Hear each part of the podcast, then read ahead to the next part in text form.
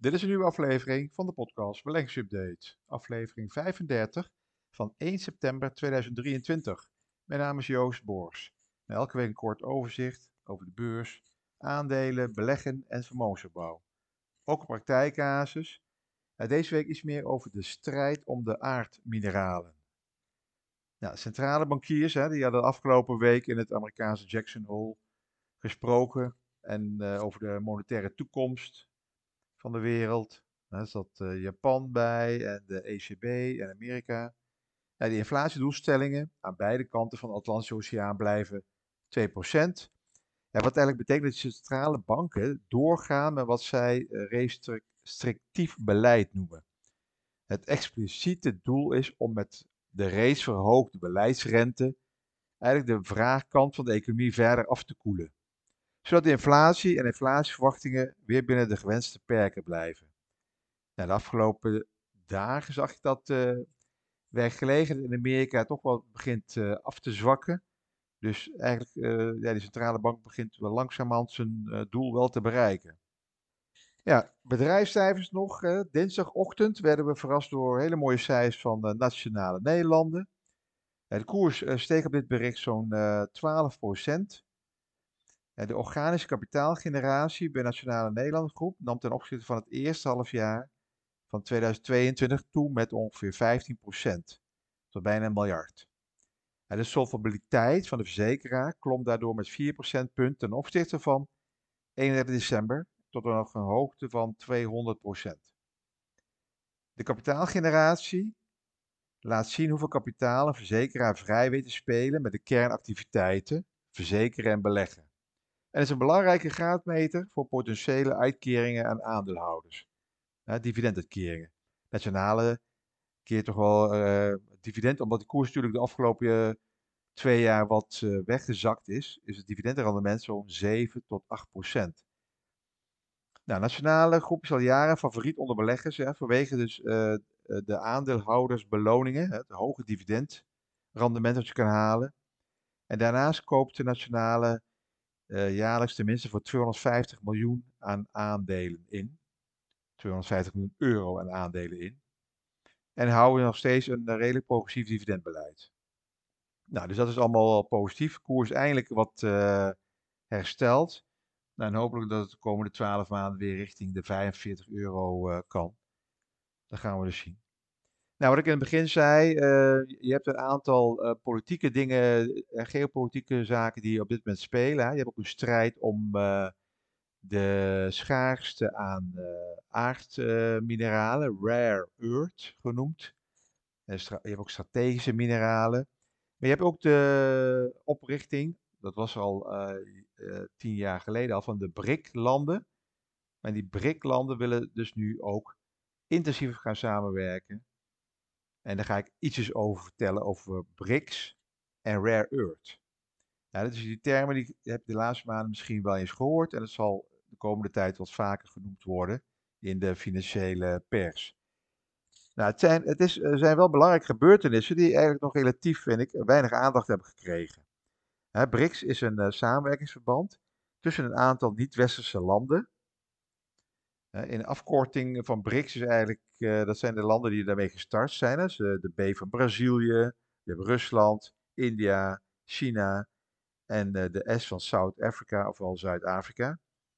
Het BRICS-blok, dat nu nog bestaat uit deze landen, breidt per 1 januari 2024 uit.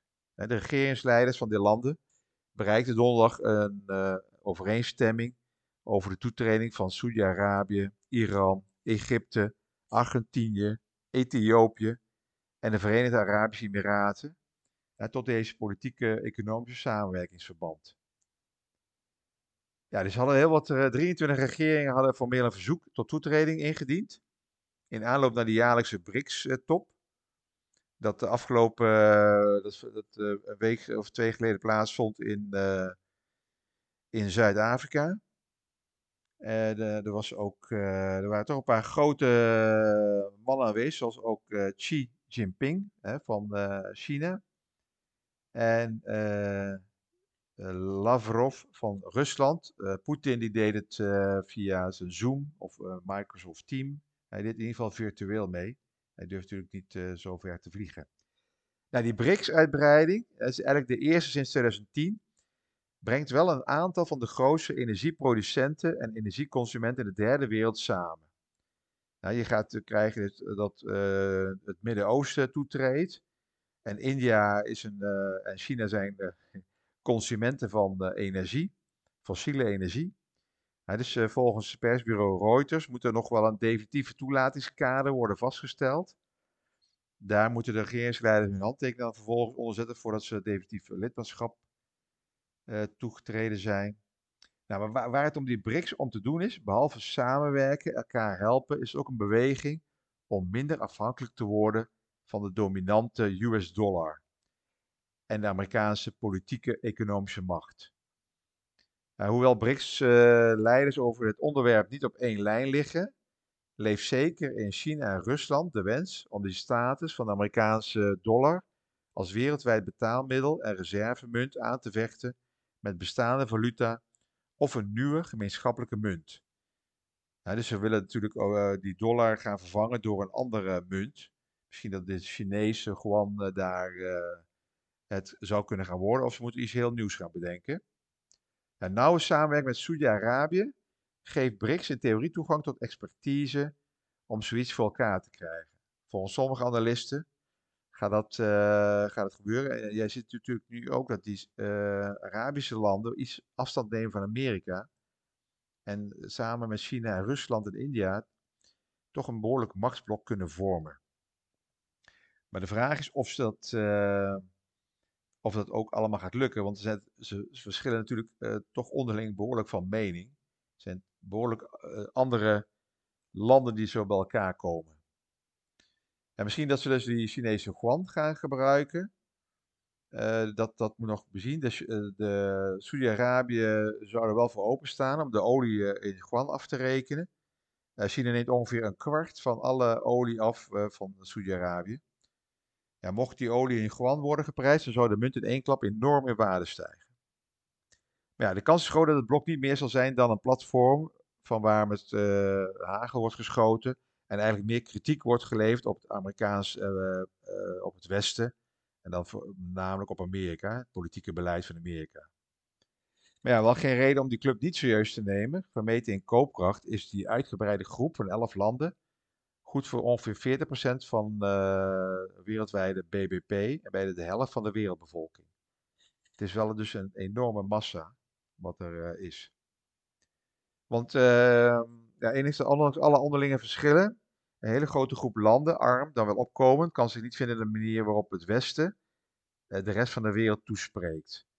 Ja, dat zie je ook nu dat in Afrika steeds meer landen richting China neigen of richting Rusland. Het gaat dan niet alleen om mensenrechten, maar ook om de verdeling van lasten om klimaatverandering aan te pakken en de verhouding tussen vrijhandel en protectionisme. Nou, we houden op de, op de, in de gaten dat BRICS-gedoe. Nu de zeldzame aardmaterialen, nou, zeldzame aardmetalen, zijn een groep van 17 elementen die worden gebruikt in verschillende toepassingen, zoals elektronica, magneten, batterijen. Ze worden zeldzaam genoemd omdat ze niet vaak in de aardkorst worden aangetroffen. China wil ook niet voor niks naar Mars en naar de maan om daar te kijken of ze dat kunnen gaan delven. De meest voortkomende zeldzame aardmetalen zijn onder andere cerium, lantaan en lutetium. Ja, China domineert de productie van zeldzame aardmetalen vanwege de geografische concentratie van deze uh, mineralen, uh, de kwetsbaarheid voor verstoring en de strategische beleidsmaatregelen die het land heeft genomen om de productie te beheersen. Volgens het Internationaal Energieagentschap is China verantwoordelijk voor ongeveer 85% van de wereldwijde productie van zeldzame aardmetalen. In 1990 verklaarde de Chinese regering zeldzame aardmetalen als een beschermd en strategisch mineraal. Dus dat is, uh, ja, gewoon, de Chinese politiek zit er gewoon heel erg sterk op. Ze geven zelfs uh, exportvergunningen, uh, moet je aanvragen. Een exportquota. Vanwege, die, vanwege de toegenomen binnenlandse consumptie uh, werd er voor de export restricties ingesteld en exporttarieven om de binnenlandse levering te beschermen. En meestal wordt er wel onderscheid gemaakt tussen strategische metalen en zeldzame aardmetalen.